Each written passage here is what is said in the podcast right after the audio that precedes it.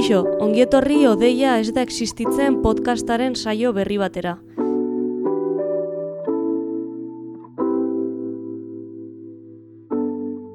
Urrian gaude eta dakizuen bezala urtero Euskara Bildua jardunaldia antolatzen dugu gurean. Horregatik, gaurko saioa Euskara Bildua jardunaldiari eskaini nahi izan diogu. Sareetan adiegon bazarete aurtengo jardunaldiaren izenburua zein den jakingo duzue. Utopia existitzen da. Zehazki, teknologia burujabetza izango dugu izpide. Herritik eta herrirako ikuspegitik. Baina lehenengo, gaia maigainan ipini nahi dugu. Globalizazio basatiak agerian utzi du gure bizimoduak inguruneak ematen dizkigun baliabideak gainditzen dituela. Desazelerazioa, deszentralizazioa, subiranotasuna, kontrol autonomoa, gero eta gehiago entzuten ditugun kontzeptuak dira. Eta esparru teknologikoa ez dago guzti honetatik kanpo. Asko dira menpekotasun teknologikoa murrizteko teknologia berrien garapenean, ekoizpenean eta eskuragarritasunean borrokan ari diren herrialde zein herritar taldeak. Teknologia libre, deszentralizatu eta federatuen aldeko apustu eginez. Guzti honetan, garrantzitsua da gizarteak egoera eta arazoa ulertzea, ezagutzatik abiatuta herritarrek teknologiari buruzko erabaki aktiboak arditzaten. Eta gizarte honetan, uste dugu, belaunaldi berriek asko daukatela esateko. Horregatik, gaurko saiorako gonbidatu berezi batzuk ekarri nahi izan ditugu. Leire Lison eta Jon Olivares eukiko ditugu gaur gurekin. Leire humanitate digitaletako ikaslea da, eta Jon ikusentzunezko komunikazio graduko ikaslea. Biek gainera, Mikel Erzerekin batera, subiranotasun digitalaren inguruko proiektu bat dute aman komunean. Kodes deitutakoa. Beti bezala, nire aldean ere Kristina eta nerea ditut. Kaixo nezkak. Kaixo Sandra. Gaurkoan, gai ezberdinak aurkeztuko ditugu, Euskara Bilduarako giroa berotzen joateko eta horrekin batera leire eta jonen iritziak ere jasoko ditugu.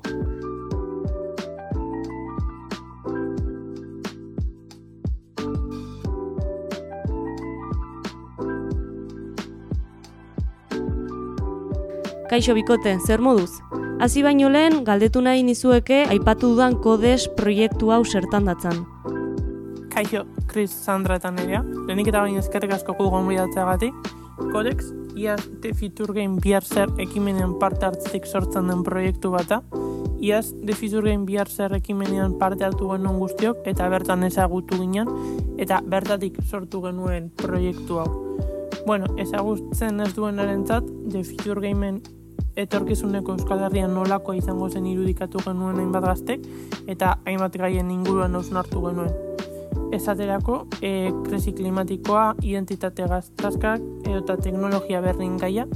Eta eusnartu genuen gaien artean, azken honek deitu gintuen guztio interesa eta nolabait hor dago kodex proiektuaren jatorria. Kodex konexioa deskonexiotik esan nahi du, eta gure helburua da humanitate digitalak plazaratzea.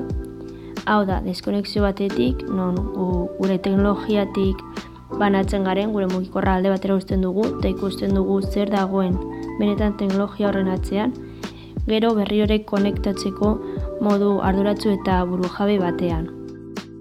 Proiektu hori eukita, teknologia burujabetza oso gertutik bizi duzue. Nundik datorkizue jakin minori? Nik ezango nuke interesa baino gehiago kezka kontua dela gehiago nire aldetik. Izan ere, gaur egun teknologia berriak gero eta gehiago erabiltzen ditugu eta gero eta presentzia gehiago dute gure egunerokotasunan haiekin esnatu eta goberatu egiten gara eta Google, Facebook, YouTube edo antzeko enpresen algoritmoa gure bizitza e, kontrolatzen dute.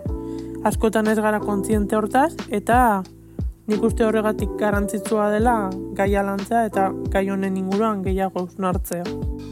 Niri pertsonalki jakimin hau datorki ze asko gustatzen zait teknologia, uste dut aukera pila ematen digula gure uneroko erronkei aurre egiteko, baina baita ere uste dut ezakigula egitan zer dagoen horren atzean, eta gustatuko litzaidake ba hori aztertzea eta hori ere ba jendera jendeari erakustea.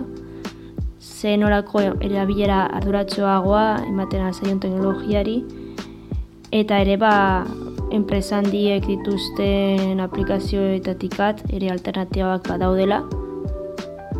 Eta ba, ba hori, gero ere batzuk esan bezala, humanitate digitalen gradua ikasten dut, nola ba, teknologia aplikatzen den egun gizartean, eta hori ere asko interesatzen zait.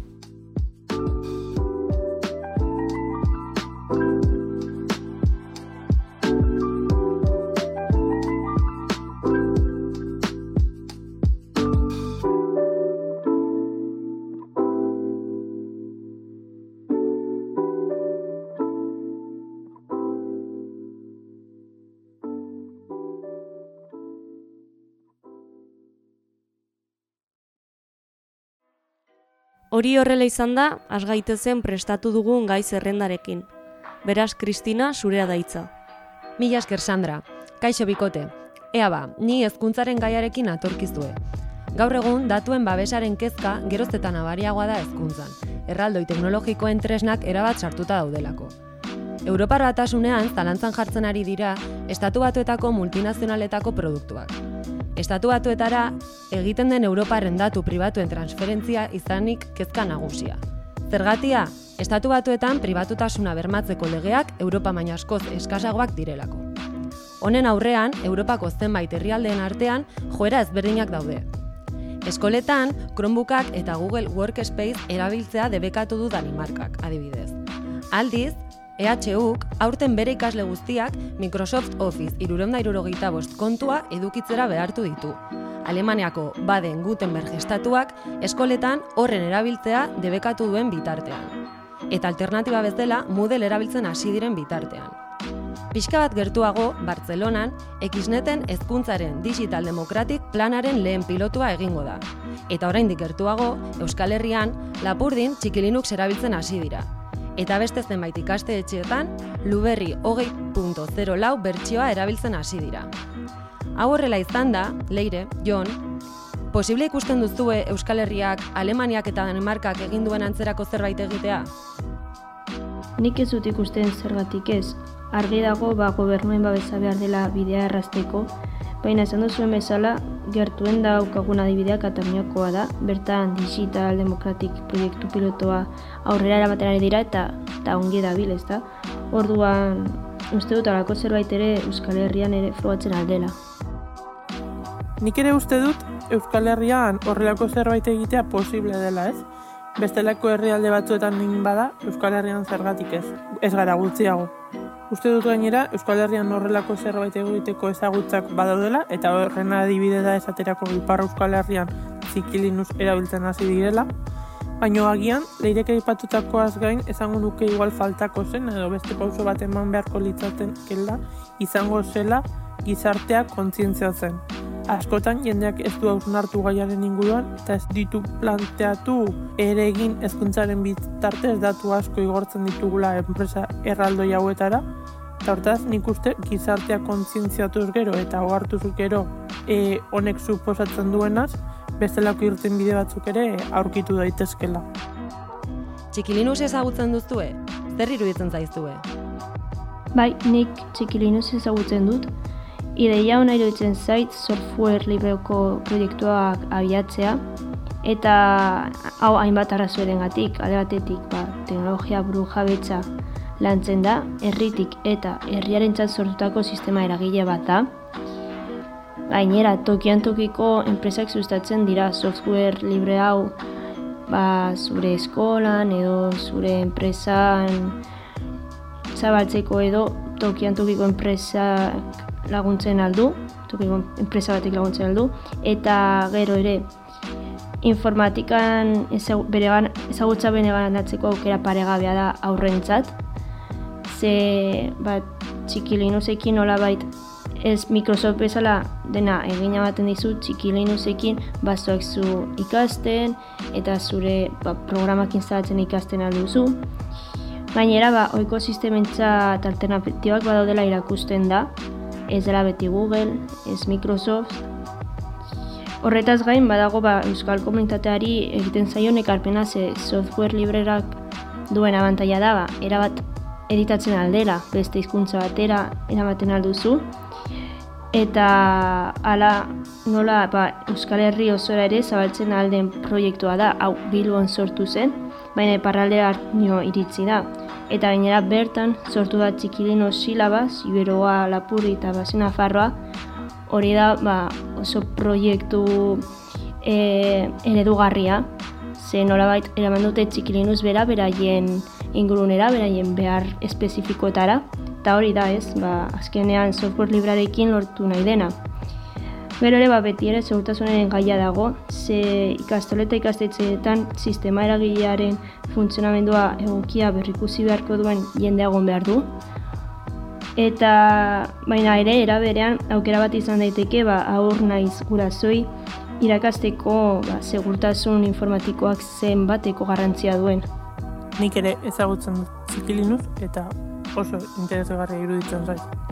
Uste dut gainera gaur egun beharrezkoa dela horrelako alternatibak bilatzea eta uste dut oso baliagarria dela erakusteko aurrei makro enpresa hauetatik kanpo ere badagola mundu bat eta dena ez dagoela beraien esku. Dena ez dela ez Google, ez Microsoft eta ez Apple, aurrek horrela gainera ikusten dute gainerako sistema eragiekin egin daitezken gauza bertinak egin daitezkela. Izan ere askotan uste baita software librea izateak mugak jartzen dituela, baino egitan ez da horrela, funtzio berdinak egin daitezke, baino askoz modu libreago batean, testu bat izaz daiteke, argazki bat moldatu daiteke edo eta e, bertan jolastu daiteke, baino hori. Esan bezala askoz modu libreagoan eta erraldoi teknologiko hauetatik at. Horrelako aukeren adibideren bat gehiago ezagutzen duzu, Ba, txikilinuz eta luberriz gain eskuntzore eman ezagutzen duena da Moodle, ze unibertsitatean erabiltzen dugu, bada beste software libreko plataforma bat, klaseko edukiak partekatzeko, izan dokumentuak, ikas materiala, entrega gaiak, emateko guneak, foroak. Baina badaude ba, beste, beste bulego lanak edo formatika ditzen den ba, hori egiteko tres naugari, ara nola ba, Nextcloud, Etherpad, LibreOffice, Freeplane, Inkscape, eta kontua da ba, bilatzea pizkat eta ikustea zeinekin molatzen zaren hobekien. Leirek aipatutakoaz gain, beste sistema eragile libre bat eta zango nuke garai baten behintzat nahiko ezaguna izan zena, Ubuntu sistema eragilea izan zela zango nuke, egia da gure garaia behintzat eskuntzan txertatzen zaiatu zirela, baina nik gutxiene ez nuen asko erabili izan. Eta hemen, berriz ezagun nuke, berriz egiten dugula topo lehen aipatu dudan kontzientziazioa arazo horrekin, uste dut duela gutxi arte gizartea ez dela kontzientzia izan gai honetaz, eta ez duela asko hausnartu izan, naiz eta egon aukerak egon bat zeuden, bigarren plano baten bezala geratu izan dira beti, eta joera zegoen Windows gizako sistema eragileak erabiltzeko. Orain ordea uste dut aurrera pauso bat emon dela, eta hasi dela bintzaz gaiaz hitz egiten, eta alternatibak frogatzen hemen gertu.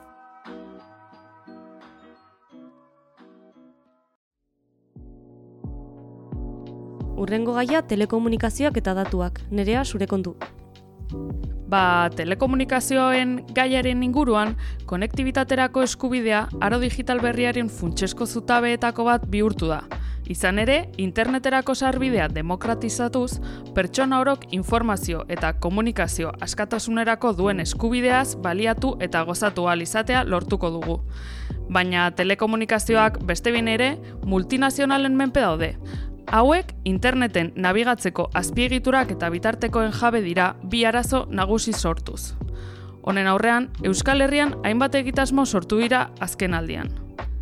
Interneteko operadore nagusien estaldura itxaroteaz nekatuta, sakanan, sare komunatuko egitasmo bat jarri dute martxan aurten sakanako udalerrietako etxe eta enpresei interneterako sarbidea helarazi eta hobetzeko.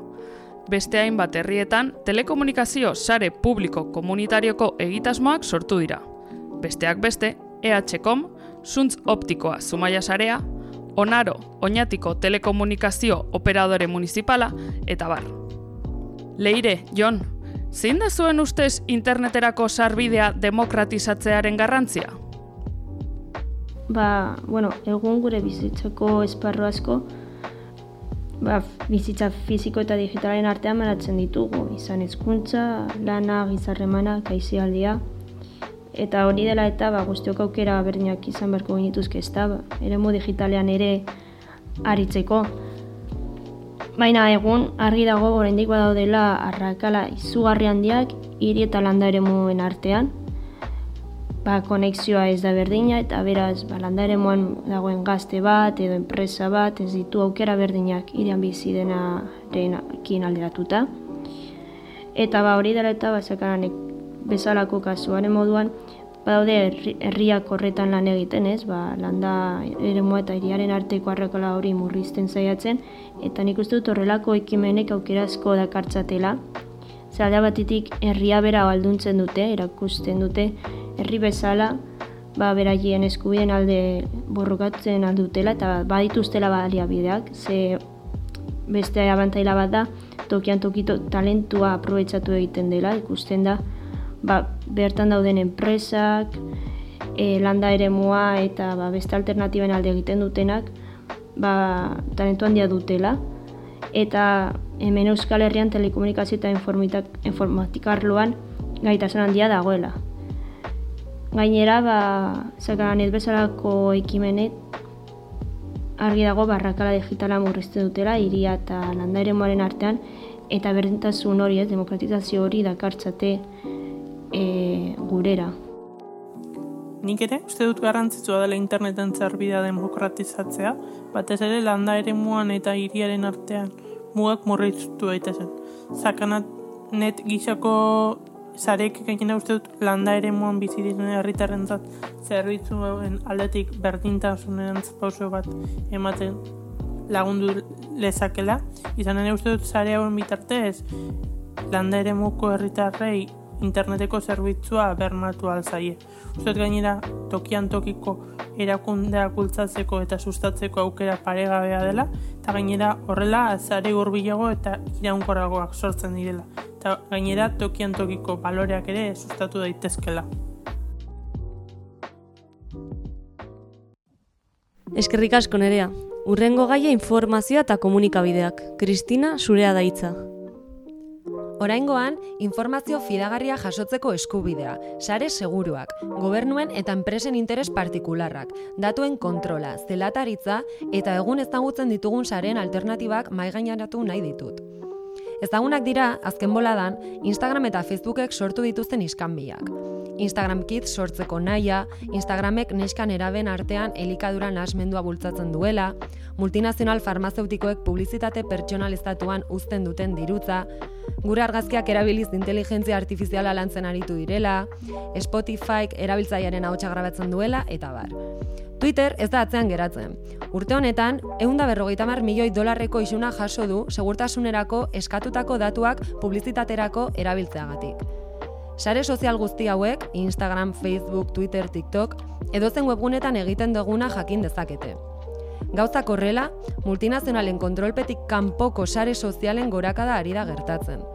Mastodon, Twitter ordez, Pertube, YouTubeen ordez, Pixfed, Instagram ordez, Funkwhale, Spotifyen ordez, eta bar. Leire, Jon, multinazionalen kontrolpetik kanpoko sare sozialak ezagutzen zen ituzten? Baten bat erabiltzen dezue? Banik mastodon ezagutzen eta erabiltzen dut, bada Twitterren antzekoa, baina software librean oinarrituta, eta gero ere beste ezberdintasun bat da, ba, zerbitzari ezberdinak daudela, hau da, taldeak bezala zuz talde batean sartzen zara eta bertako publikazioak ikusten dituzu. Ere bai jarraitzen dituzu beste talde batzutako pertsonak eta beste talde batzutan sartzen ere alzara. Baina nik ikusten duen abantaila bat zerbitzari baten parte zarenean ikusten duzula ba, Twitterrekin alderatuta.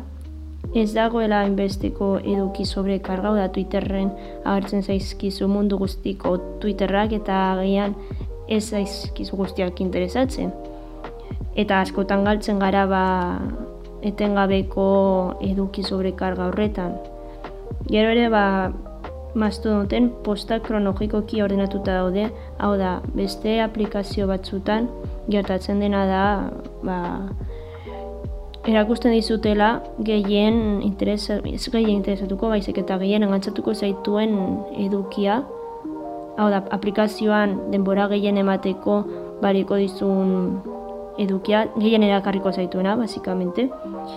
Eta, ba, mastodon aldiz, justoena edo bidezkoena da, kronologikoki agertzea eduki hori eta gainera ba horrela ez duzu ezer galtzen ze agian beste aplikazioen batetan.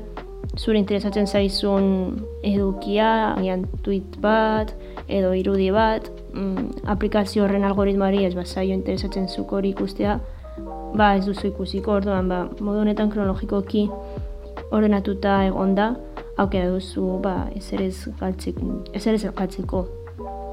Eta orain dara gutxi aurkitu nuen fedibertso kontzeptua. Bada ba, zare sozial federatuak. Eta ba, hitz gutxitan esan da dira software librekoak eta federazioan oinarrituta hau da ba, maston bezala zerbitzariak edo komunitateak sortzea dute oinarri. Bertan daude PeerTube, Funk Whale edo Balea Funk ba, podcast hau dagoen plataforma edo eta ba, maston bezalako zare sozialak mundu bat da software librarena eta oraindik ere asko ikasteko geratzen zait, baina bueno, argi dago mugimendu handia dagoela alternatiben bila. Ze askotan esaten da zeinen txarrak diren zare sozialak eta pribatutasuna, ze Facebook, Google eta bar, baina eske gero ez dute beste bideraik aipatzen ere egiten, hortaz ba, garrantzitsua da alternatiak egon badaudela erakustea. Nik ere ezagutzen ditut eta alden neurrian erabiltzen zaiatzen naiz, Leirek esan bezala mundu bat da software libreena eta asko daukat nik ere ikertzeko orainik, baina esan bezala hauek erabiltzen zaiatzen hasi naiz. Nik gaur egun multinazionalen kontrolpetik kanpo dauden zare sozialetatik gehien erabiltzen dudana Telegram izango litzateke. Telegram mezularitza aplikazio bat da eta Whatsapparen ordezkari gisa erabiltzen dut. Telegram aldiz kode askekoa da eta datuan pribatasuna babesten laguntzen du gainera mezuak, arraziak, dokumentuak edo bestelako elementuak bidal daitezke bertan erraz, askoz modu seguruagoan eta doan gainera. Beraz nik uste alternatiba ona dela. Ba, gobernantzaren gaiaren inguruan, etorkizunean biztanleriaren parte hartzea ezinbestekoa izango dela pentsatzen da herrialdeak datozen urteetako erronketara egokitzeko. Energia hornikuntza bide berriak, klima larrialdiak, Gehienetan, administrazio publikoak hainbat datu eta dokumentazio digital propioak ez diren instalazioetan gordetzen ditu. Teknologia berriek aukera paregabea eskaintzen dute prozesu parte hartzaileak sortzeko eta guztien iritzia kontuan hartzeko.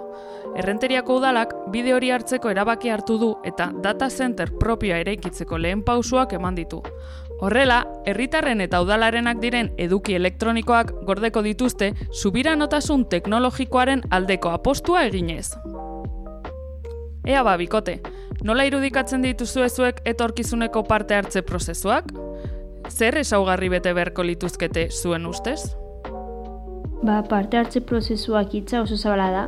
Ez da gauza bera izan auzo batean ematen alden parte hartze prozesua, komunitate batean, herri batean, hiri eskualde edo estatu mailan. Maila txikiagotan egiten diren prozesuak behar bada ez dute zertan digitalizaziotik pasa behar. Adibidez, ba, komunitate txiki batean, auzoan, eskolan, elkarte batrean edo ba, kirol klub batean. Nik uste dut, ba, prozesu horietan oso garantitzua dela presentzialtasuna, ikustea mm, ze pertsona dauden prozesu horretan, ezagutzea, ze horrekin ere empatia eraikitzen duzu eta ikusten duzu nola zure erabakiak e, afektatzen alduen zuzenki zure gertuko norbaiti. Baina, mailandiagoan digitalizazioak bai ematen du aukera jende gehiagoren iritzia eta bosa jasotzeko online plataformen bidez. Baina hauek beti ere erabiltzeko errazak izan behar dute. Tokiko hizkuntzan, hori oso garrantzitsua da, ze hizkuntza erabiltzen diren adidez ba hiri batean, eta horietara moldatu plataformak ez zoire ikizkuntza batean. Eta ba, espazio publikoetan eskuragarri ere egon barko lukete. Adibidez, ba, hiri batean parte hartze prozesu bat ematen baldin bada, baliteke jotea jendea ba, gailu elektronikorik edo ba, gaitasun espezifiko hori ez izatea. Eta beraz, ba, librutegi edo kulturetxeak edo alako espazioetan, plataforma horiek erotzeko lekuak egon beharko luketela uste dut, ba, izan tablet bat eskuragarri edo, baina ere, ba, e, benetan parte hartze prozesu publiko eta inklusiboa izateko. Nire leiderekin bat nator, uste dut ez dela kontu berdina gazte asamblada baten ematen den parte hartze prozesua edo eta Euskal Herri zura bideratu daiteken zerbaitetan eman daiteken parte hartze prozesua. Agian, leirek ezan bezala ez da beharrezkoa komunitate txikitan ematen diren parte hartze prozesu horiek digitalizatzea. Azken finean prozesuak txikiagoak izanik, nolabait komunitatea ezagutzen eta ideiak behiekin partekatzen laguntzen dutelako.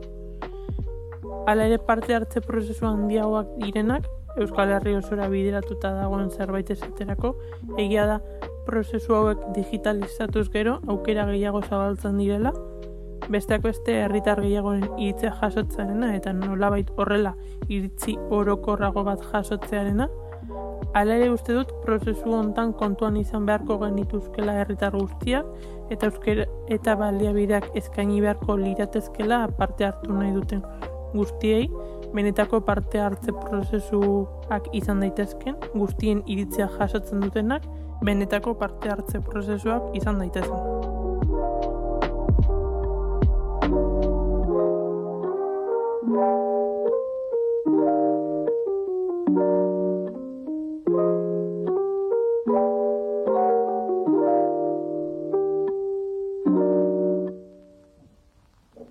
Eta onaino gaurko saioa. Eskerrik asko leire eta jon gaurkoan gurekin egoteagatik eta ausnarketa hauek mai gainean ipintzeagatik.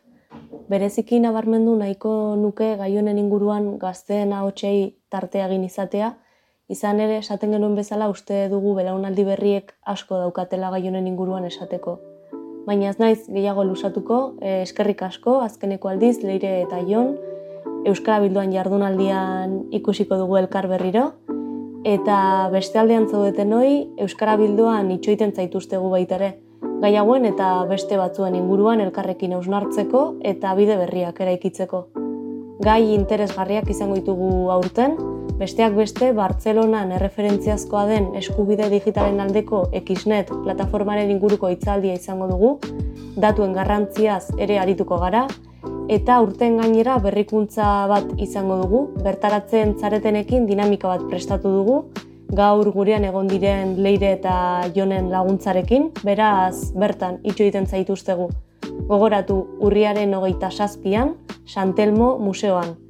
Goizeko behatzitan, hasiko gara, eta gogoratu izen emateak euskarabildua.eus webunearen bidez e, egin ditzakezuela. Eskerrik asko eta agur!